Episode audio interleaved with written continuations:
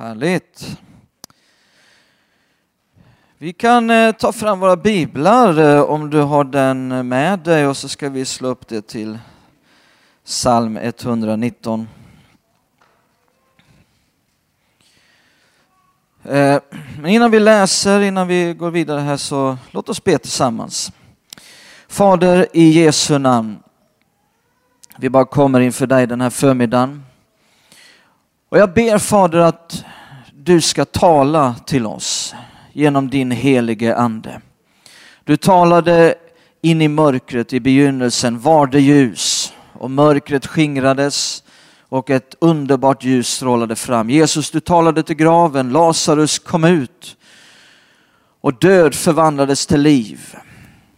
Jesus, du talade till sjön, tig var stilla, det oroliga förvandlades till frid och, och lugn. Jesus, du sa bliv ren till en spetälska och sjukdom förvandlades till hälsa. Jag ber att du ska låta dina ord bli hörda, bli talade genom din ande här idag som får skapa din vilja i våra liv. Där mörker får förvandlas till ljus, där död får förvandlas till liv i människors liv här idag. Där eh, det oroliga och deprimerade får förvandlas till lugn och frid och glädje och trygghet. Där sjukdom får förvandlas till hälsa. Du har sagt i ditt ord Fader att du sände ditt ord och botade dem och räddade dem från graven. Vi ber att du ska verka. Vi lämnar över resten av det här mötet till dig för att du ska verka i våra liv. Vi vill möta dig. Vi har inte kommit hit för att höra från någon människa. Vi har inte kommit hit för att möta någon människa. Vi har kommit hit för att möta dig. Och jag ber att vi ska få möta dig, att vi ska få se dig, att vi ska höra dig, få uppleva hur du verkar och förvandlar liv här idag. I Jesu namn vi ber. Amen. Låt mig fråga innan vi läser. Eh, hur många här inne eh, kan se bra? Du har en perfekt syn. Skulle säga, jag liksom kan se knivskarpt. Eh, hur många här inne har inte en så bra syn? Din syn är lite grumlig. Eh, kanske att det också finns någon som är blind. Nu tror ni att jag sitter, står här och talar om dina fysiska ögon. Men det gjorde jag inte. Ni har helt missuppfattat mig direkt. Eh, och att jag står här och talar om din fysiska syn. Nej, jag talar om din andliga synförmåga. Eh, har du en knivskarp syn i anden? Eller har dina andliga ögon blivit grumliga så att du har svårt att urskilja andlig verklighet? Och fokusera rätt andligen. Kanske att du är helt blind andligen. Och jag tror att lika mycket som den fysiska synförmågan eh, kan variera här inne, lika mycket kan den andliga synförmågan variera. Eh, så mitt tema idag är helt enkelt den andliga synförmågan. Ska vi läsa nu i psalm 119? Psalm 119. Och vers 18. Psalm 119, vers 18. Och då står det följande. Öppna mina ögon så att jag ser undren i din undervisning. Salmisten här ber, öppna mina ögon så att jag ser undren i din undervisning. Ehm, det här handlar ju inte om de fysiska ögonen när salmisten ber öppna mina ögon, utan det handlar om den andliga synen, de andliga ögonen, att de ska öppnas så att jag ser undren i din undervisning. Den här boken, det är undrens bok. Håller du med mig om det? Den är fantastisk. Den här boken är övernaturlig. Eh, dess innehåll har kraft att ge evigt liv har kraft att förlåta synder, bota sjukdomar, befria ifrån bundenhet och allt som plågar. Det finns ingen bok som den här boken som kan ge fullkomlig tillfredsställelse, hänförelse, glädje, frid. Ändå kan det vara så att eh, man eh, och du kanske känner en begynnande likgiltighet till dess budskap. Att du känner att orden inte riktigt griper tag i dig. Eh, vare sig du läser själv eller du hör eh, någon tala eh, ordet. Eh, du kanske läser om evangelisation, du läser om mission, du läser om bön, du läser om vad Jesus har gjort eh, genom försoningsverket. Men det verkar bara rinna av dig eh, som vatten på en eh, gåsrygg så att säga eh, och du börjar känna en begynnelse till en apati för de andliga verkligheterna. Och det här är ett stort tecken på att din andliga synförmåga har börjat grumlas. Öppna mina ögon så att jag ser undren i din undervisning. Paulus han ber också precis likadant för de kristna. Titta i Efesierbrevet kapitel 1.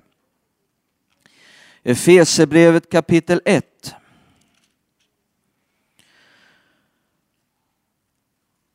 Och vi kan eh, faktiskt läsa i vers 3 först. Vi läser i vers 3.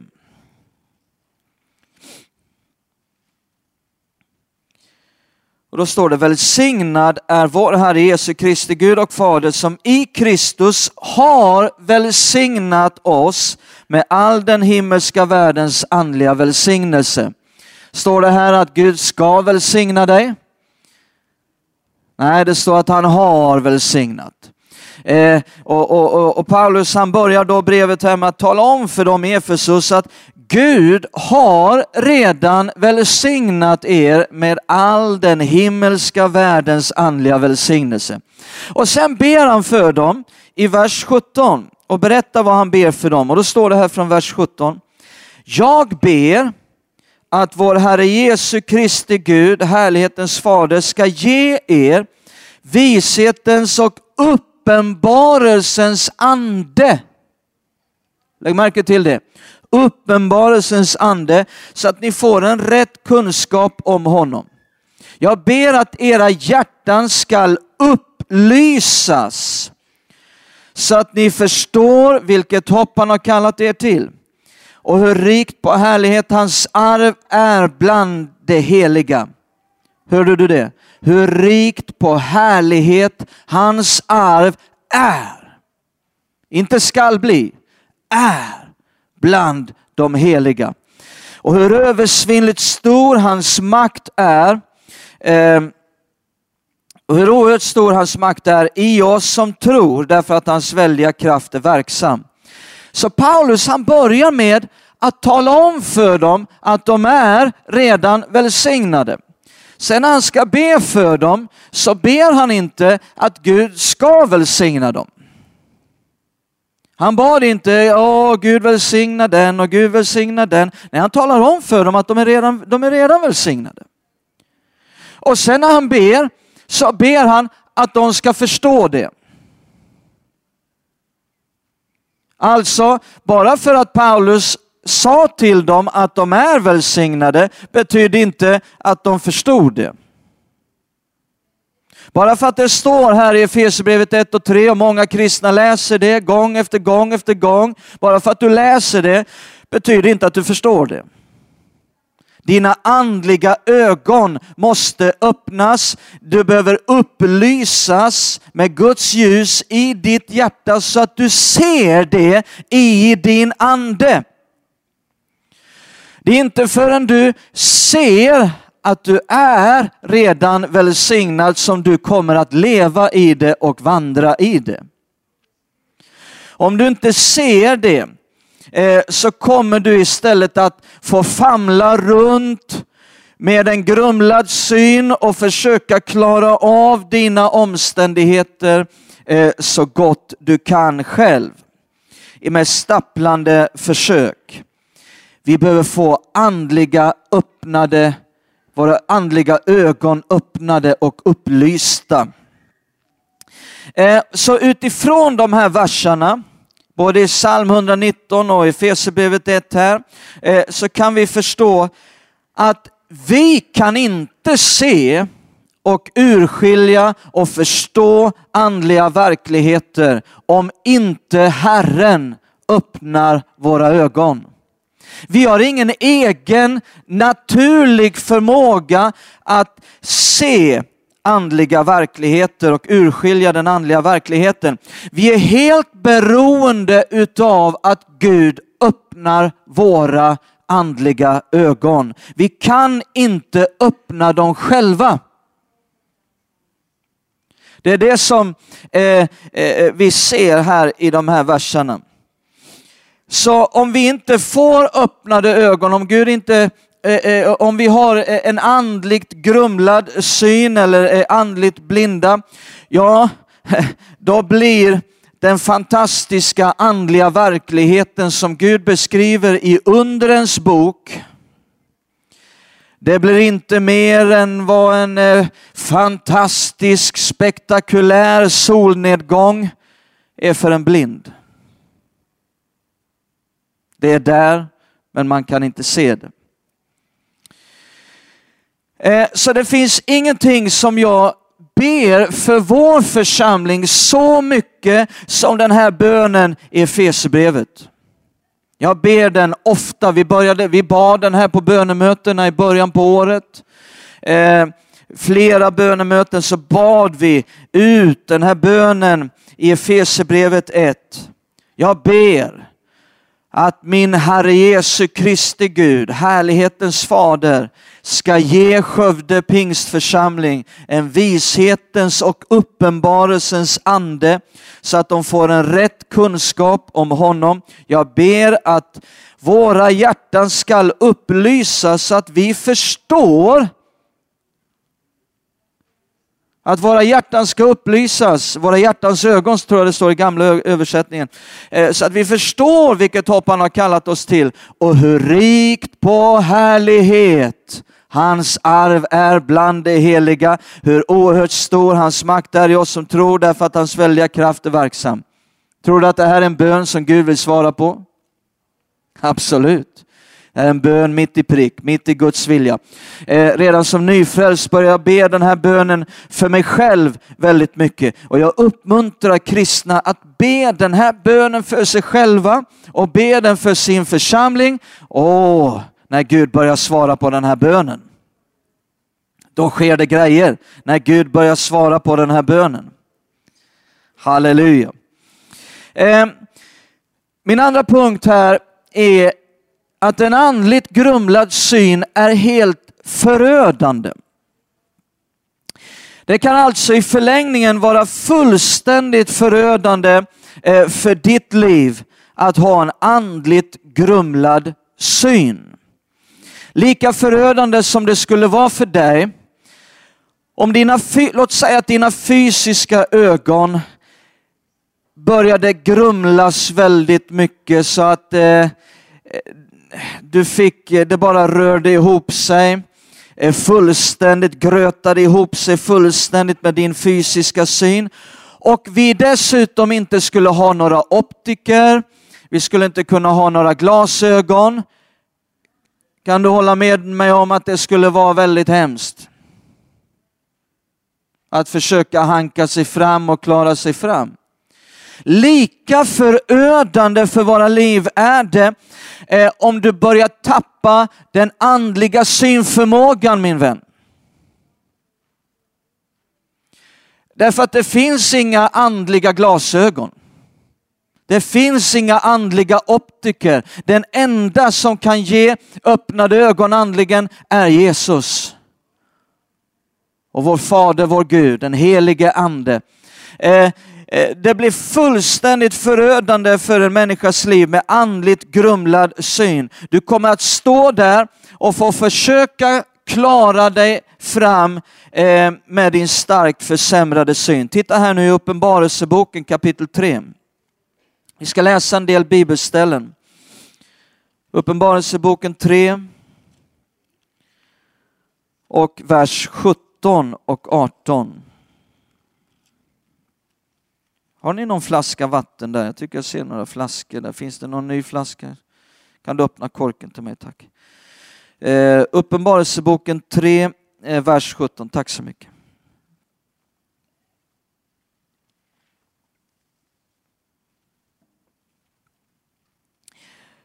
Då säger Jesus så här till församlingen i Laodicea. Du säger, jag är rik jag har vunnit rikedom och behöver ingenting. Och du vet inte att just du är eländig, beklagansvärd, fattig, blind. Blind och naken. Jag råder dig av att av mig köpa guld som är renat i eld så att du blir rik och vita kläder att skyla dig med så att din skamliga nakenhet inte syns och salva att smörja dina ögon med så att du kan se. Det här handlar inte om fysisk syn, det handlar om den andliga synförmågan. Eh, vi har en annan grupp människor eh, som eh, kallades för fariseerna. Jag vet inte vad du tänker på när du tänker på farise, eh, men jag tänker att kanske att den gruppen människor är det främsta exemplet på andlig blindhet som vi har i Bibeln. Ska vi läsa om dem? Titta här i Matteus 23 ska du få se vad Jesus säger om, om den här grupperingen människor, fariseerna. Matteus 23.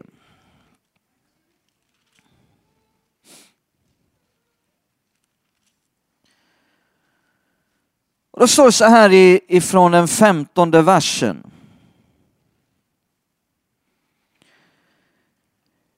Ve er skriftlärda och fariseer, ni hycklare. Ni far omkring över land och hav för att göra någon till proselyt och när han har blivit det gör ni honom till eh, Gehennas barn dubbelt värre än ni själva. Ve er, ni blinda ledare. Vad kallar Jesus dem för? Blinda ledare. Eh, titta i vers 17, de första orden. Ni blinda dårar. Nu är de inte ens ledare längre, nu är de dårar. Så Jesus han kallar dem i vers 15, skriftlärda och fariséer, ni, hyck, ni hycklare och sen ni blinda ledare och sen ni, ni blinda dårar. Titta i vers 19. Ni blinda. Flera gånger, tre gånger här, ni blinda ledare, ni blinda dårar, ni blinda. Eh, titta vers 23. Vi är skriftlärda och fariséer, ni hycklare. Och, och så eh, titta nu vers 24, början på vers 24. Ni blinda ledare. Fjärde gången kallar Jesus dem för blinda ledare. Blinda. De kanske är de främsta exemplen på andlig total blindhet som vi har i Bibeln. Ehm, det sämsta med de här och också de här människorna i Laodicea församlingen, det var att både fariseerna och de i Laodicea, de trodde att de hade perfekt syn. Är du med mig? Det är det som gör en människa riktigt blind. Det är en sak att vara blind och veta om det. Det är en annan sak att vara blind och tro att du har perfekt syn. Titta vad Jesus säger i Matteus 6. Matteus 6 och vers 22. till 23.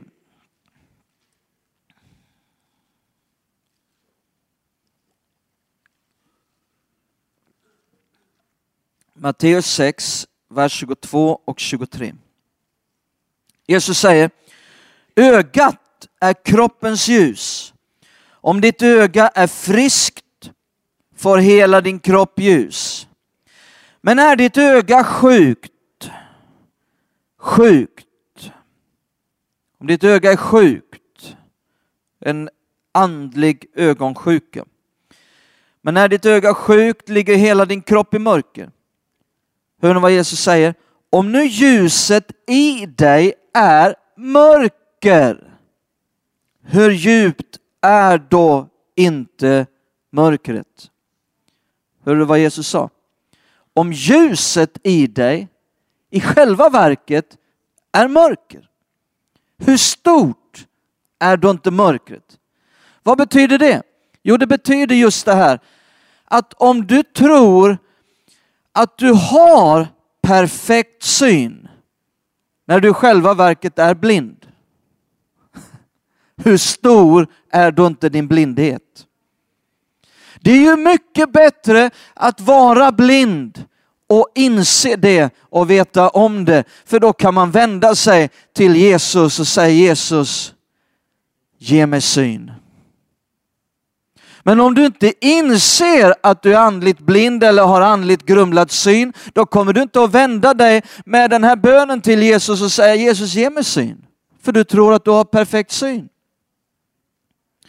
Då blir det inte den bönen som Psalmisten bad i psalm 119, då blir det inte den här bönen som Paulus bad i Efesierbrevet 1 om att få en, en andlig syn. Eh, titta nu här i, i Markus 8. Ska vi se vad Jesus säger till lärjungarna i de här sammanhangen.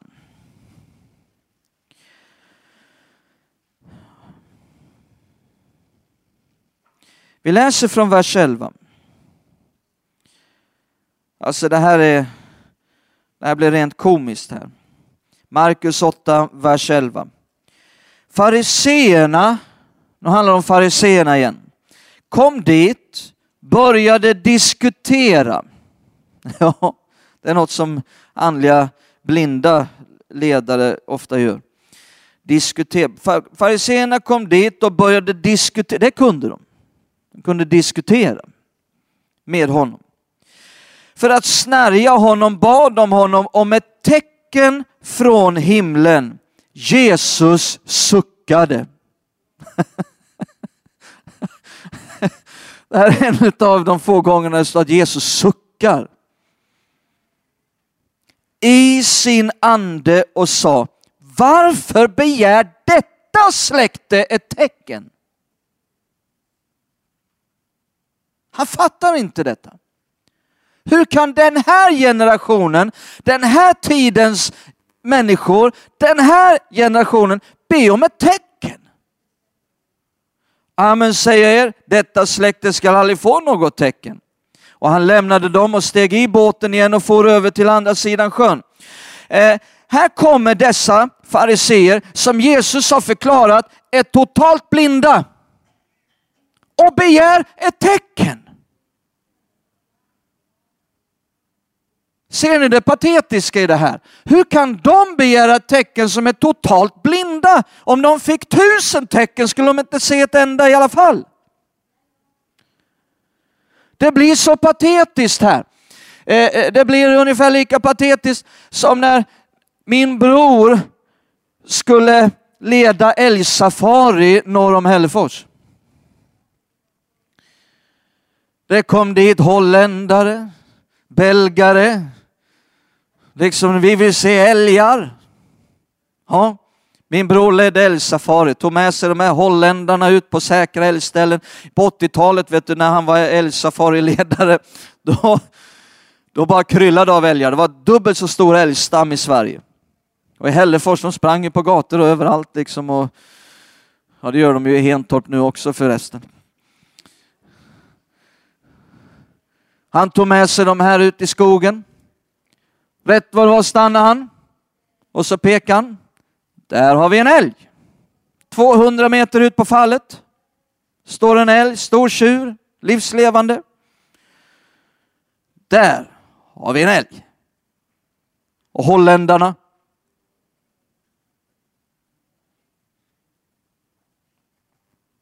Var då? Där! Där är älgen! Titta nu då! Var? Vi ser ingen älg! Jo men där! Alltså, han klev ur bilen, ställde sig i diket. Där, där är älgen! Titta där! Nej, ser ingen älg. Han fick gå på andra sidan diket. Där är älgen! Där, titta! Där, titta nu då! Nej, var? Var är den? Alltså han fick nästan gå och ställa sig bredvid älgen. Här en älg. Alltså de hade ögon som inte var tränade att se älg. Är det inte så Karl-Evert att när man är jägare att till slut så bara liksom, man, man ser dem? Ibland skjuter de på varandra också för de tror att det är en älg men det var ju en annan jägare. De kan se allt möjligt ibland. Men, men, ja, men det är så, jag bara skojar lite. Det, det är så där, jag kommer ihåg på 80-talet, liksom, man, man såg älg överallt. Och så liksom man fick en syn på något sätt så att man, man reagerade och inne bland trädstammarna man kunde urskilja björkstammar och älgben och liksom, man såg ju älgen. Men de hade inte tränade ögon, de kunde inte urskilja se. Men på samma sätt är det här med Jesus och fariseerna, att eh, de kommer och begär ett tecken. Vi vill se tecken. Och jag känner, men snälla, det är som att jag vill åka tillbaka till den tiden hos Jesus och fariséerna och ställa mig bredvid Jesus och säga, här är ett tecken. Han heter Jesus Kristus. Är du med mig? De var så blinda så de kunde inte se solen som lös rakt i ansiktet på dem. Och Jesus suckar djupt i sin ande och säger, varför begär detta släkte tecken? Om det har funnits någon generation överhuvudtaget som har levt på den här jorden som verkligen hade tecken livslevande framför sina ögon så var det den generationen. Varför begär de ett tecken?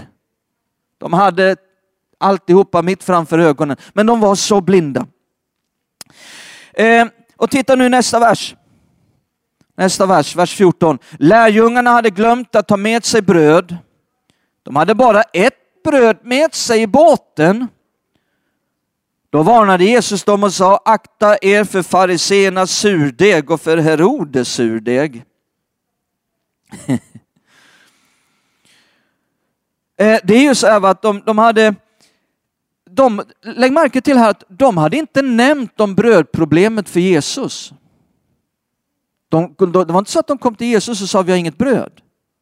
Det står inte så, det står bara att de hade inget bröd. Och Jesus hade ingen tanke på brödproblemet när han började prata om surdegen.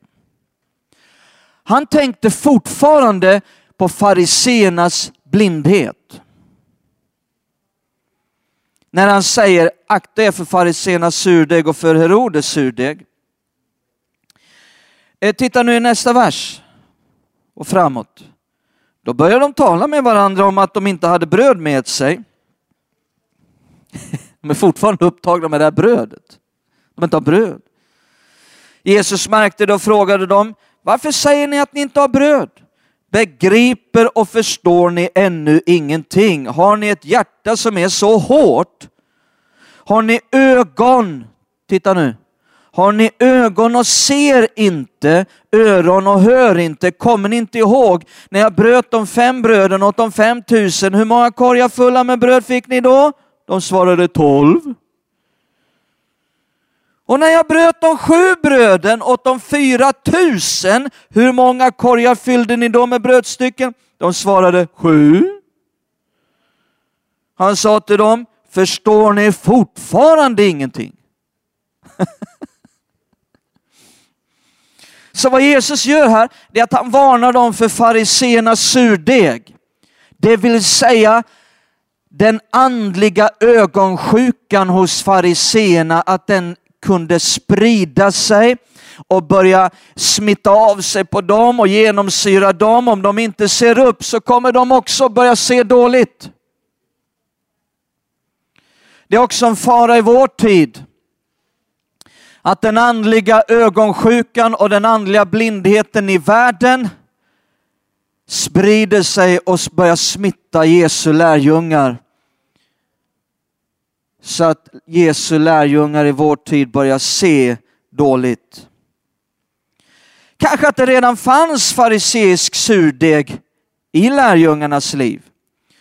De var i alla fall mer upptagna med det materiella och matproblemet än vad de var upptagna med det andliga och de andliga problemen.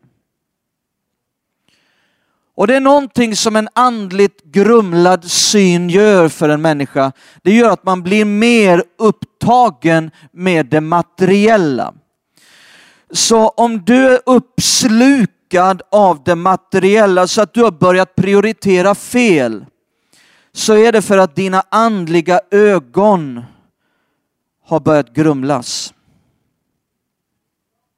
Och är grumliga. Titta Johannes 4. Här är ytterligare ett ställe när lärjungarna är upptagna med mat. De har gett sig av för de ska köpa mat och köpa bröd. Och i Johannes 4 så står det i vers 31.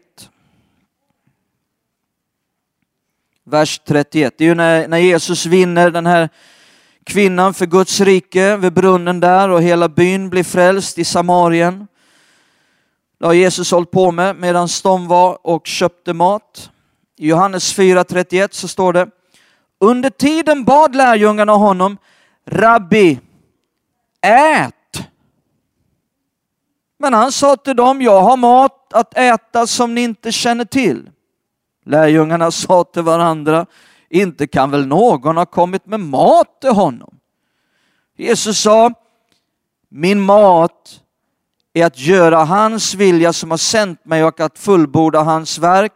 Säger ni inte att det ännu är fyra månader kvar till skörden? Men se, jag säger er, lyft blicken. Lyft blicken och se. Lyft blicken och se hur fälten har vitnat till skörd. Här har vi återigen den andliga synförmågan. Lyft blicken och se. Det är inte de fysiska ögonen han talar om eller den fysiska synen. Det är den andliga, de andliga ögonen och den andliga synförmågan. Lyft blicken och se hur fälten har vitnat till skörd. Jesus höll hela tiden på med att öppna deras ögon. Tror du Jesus behöver göra det idag?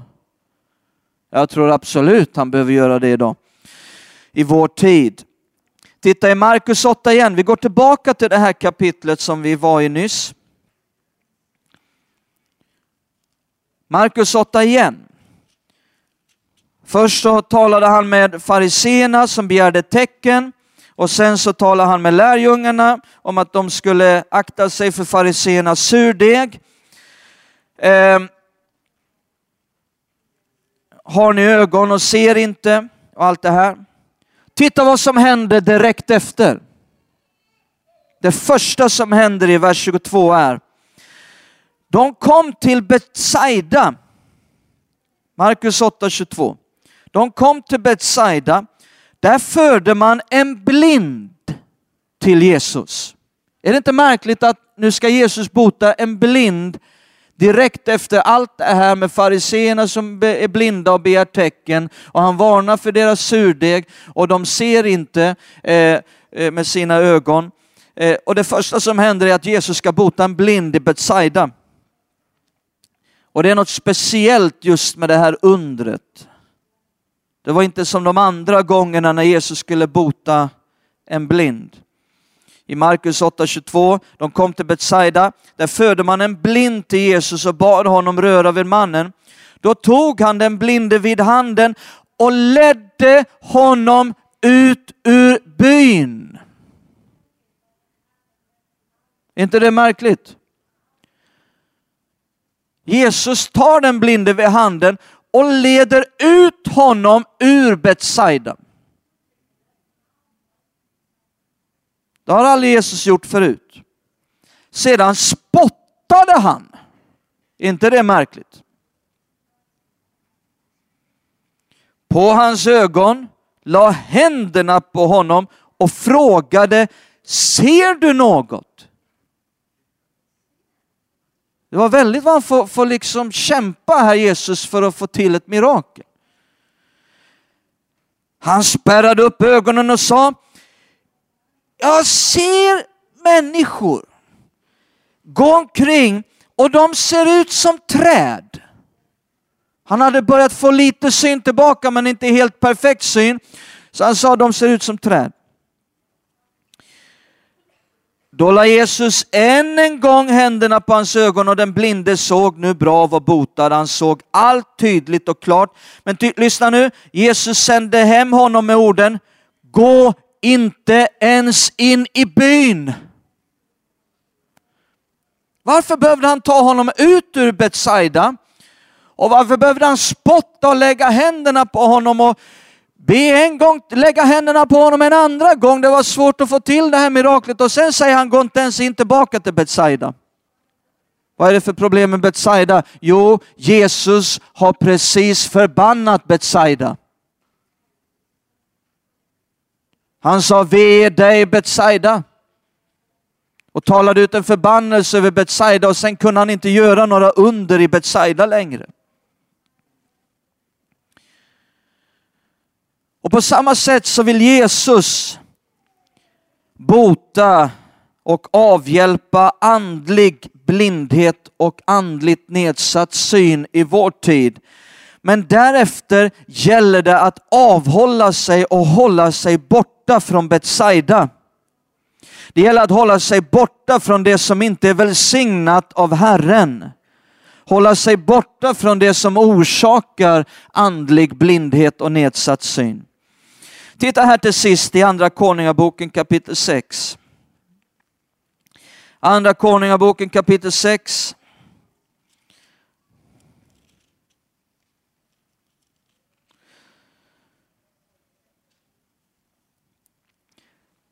Så ska vi se hur viktigt det, det är med en bra synförmåga. Andra Konungaboken 6, från vers 8 läser vi. Det handlar om Elisa. Väldigt spännande berättelse. Kungen i Aram låg i krig med Israel. Så den aramitiske kungen krigar med Israel. När han rådgjorde med sina tjänare och sa på den och den platsen ska jag slå läger, sände gudsmannen bud till Israels kung och lät säga, se till att du inte drar förbi den platsen för arameerna ligger där. Då sände Israels kung folk till den plats som gudsmannen hade angivit för honom och varnat honom för och han aktade sig noga där. Detta hände inte bara en eller två gånger. Så det var någonting Elisa gjorde ofta, informerade Israels kung om fiendens planer. Han var som en spion. Elisa var som en spion. Han spionerade på fiendekungen i hans eh, sovkammare. Inte så att han var där fysiskt, men han var där i anden. Titta här nu i nästa vers. Kungen i Aram blev mycket oroad över detta. Han kallade till sig sina tjänare och sa till dem, kan ni inte säga mig vem av de våra det är som håller med Israels kung? Då svarade en av hans tjänare, så är det inte min herre konung, men Elisa, profeten i Israel, meddelar Israels kung varje ord du talar i din sovkammare. Kungen i Aram kunde inte prata i sin sovkammare utan att Elisa hörde det. Långt därifrån hörde han det i anden. Han sa, gå och se efter var han finns så att jag kan skicka några, någon att gripa honom. Man berättade då för honom att han var i Dotan. Då sände han dit hästar och vagnar och en stor här. De kom om natten och omringade staden. Har du någonsin haft en hel armé efter dig? Kungen i Aran skickar ut en hel armé efter en person. Elisa. Och de omringar hela staden. Nu ska de ha tag på Elisa. När gudsmannens tjänare, alltså det är ju inte kul att vara gudsmannens tjänare nu. Han åker med han också. När gudsmannens tjänare tidigt på morgonen steg upp och gick ut, se, då hade en här med hästar och vagnar omringat staden. Tjänaren sa till gudsmannen, O min herre, vad ska vi ta oss till? Han svarade, frukta inte. Halleluja. Frukta inte. De som är med oss är fler än de som är med dem. Och Elisa bad, Elisa bad, Herre, öppna hans ögon så att han ser. Här har vi den här bönen igen. Salmisten bad, öppna mina ögon så jag ser undren i din bok. Eh, Paulus bad för Efeserna, upplys deras hjärtans ögon så att de förstår. Här har vi bönen igen, öppna, Herrens, öppna hans ögon så han ser. Och han fick se att berget var fullt av hästar och vagnar och eld runt omkring Elisa. När araméerna drog ner mot honom bad Elisa till Herren och sa, slå detta folk med blindhet. Och Herren slog dem med blindhet så som Elisa hade bett. Elisa sa då till dem, det här är inte den rätta vägen eller den rätta staden. Följ mig så ska jag föra er till en man som ni letar efter. Han förde dem till Samaria. Men när de kom till Samaria sa Elisa, Herre öppna deras ögon så att de ser. Det är mycket här med att öppna och stänga och sluta ögon och öppna ögon. Då öppnade Herren deras ögon och de såg att de var mitt i Samaria. När Israels kung såg dem sa han till Elisa, ska jag hugga ner dem min fader, ska jag hugga ner dem? Han svarade, du ska inte hugga ner dem. Hugger du ner dem som du har tagit till fånga med svärd och båge, sätt fram mat och vatten åt dem och låt dem äta och dricka och låt dem sedan gå tillbaka till sin herre igen. Då lät han laga till en stor måltid åt dem och när de hade ätit och druckit lät han dem gå och de gick tillbaka till sin herre igen. Sedan kom det inte mer några arameiska strövskaror in i Israels land. Det kom inga fler sen. Det är helt fantastiskt. Elisa ber att de ska bli blinda, hela armén blev blind. Och sen ledde Israel dem till Samarien. Och så bad han öppna deras ögon nu så att de ser. Sen kom Israels kung, ska hugga ner dem, ska hugga, nej nu ska de få äta. så fick fiendarmén käka och, och, och, dricka och sen fick de åka hem igen. Och där kom de tillbaka till kungen i, i Aram. sen kom det inga fler. Men vad är det som händer här? Elisa hade en perfekt knivskarp andlig syn och därför hade han en enorm tro. Lyssna på mig. Han hade en enorm tro. Varför då? För han hade en enormt knivskarp andlig syn.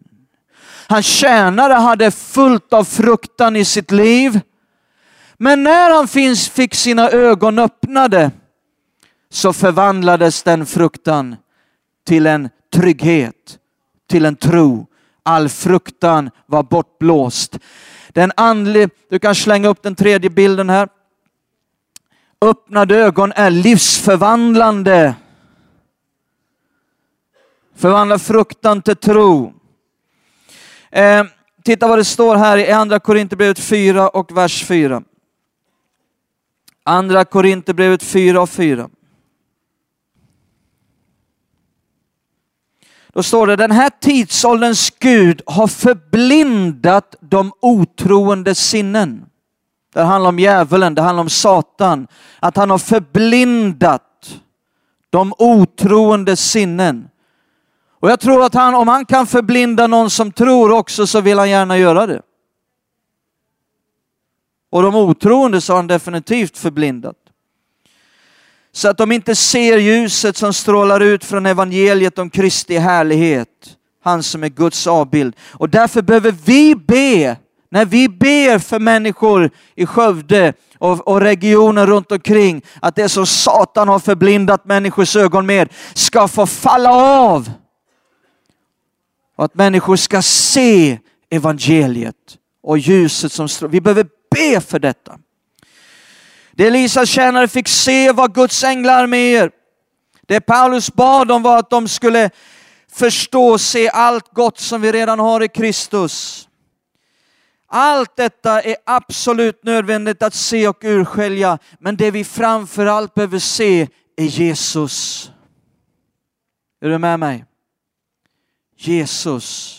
Ska vi avsluta i Hebreerbrevet 12?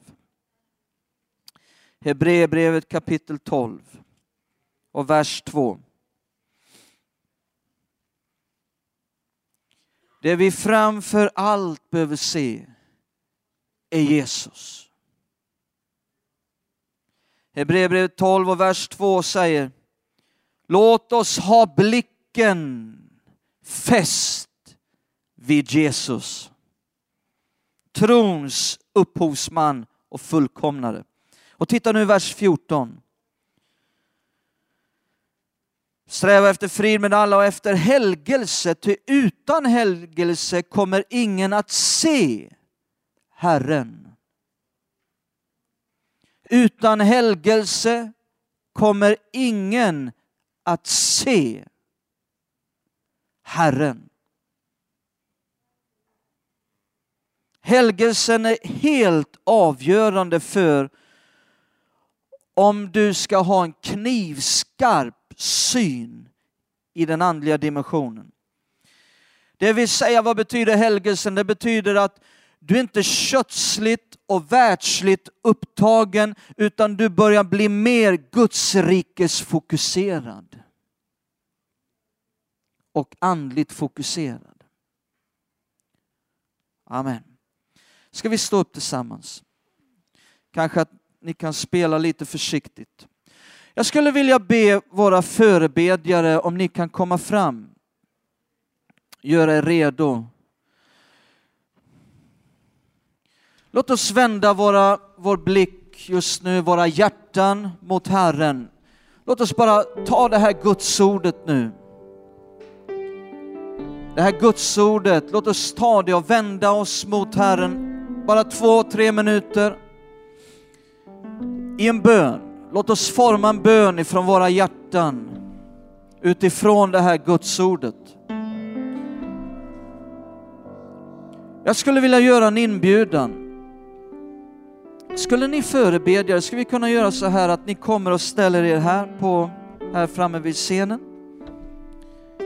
Ni kan komma och ställa upp, ställa upp er här på ett, ett trappsteg här. Martin, kanske du också kan vara med. Salmisten bad, Herre öppna mina ögon så att jag ser undren i din bok. Paulus han bad för Efeserna att deras andliga ögon skulle öppnas. Elisa bad för sin tjänare, Herre öppna hans ögon. Och jag skulle vilja göra en inbjudan här idag till var och en som känner att det har varit en tid då du kanske har känt att Bibelns budskap har inte riktigt gripit tag som det brukade. Att Bibeln har inte riktigt varit så där levande, så där vederkvickande, så där förnyande som det var en gång. Utan det har känts torrt. Bibelns ord när du, när du läser det verkar inte gripa tag. Det har varit en tid utav en slags andlig torka. Och du känner att det här budskapet idag, att du kände att det, det grep tag i dig, talade till dig och du kände ett behov av Gud, ge mig en bra syn andligen. Hjälp mig att bli fri från grumlig andlig syn. Jesus jobbade hela tiden med lärjungarna att öppna deras ögon. Och jag tror att Jesus är här idag.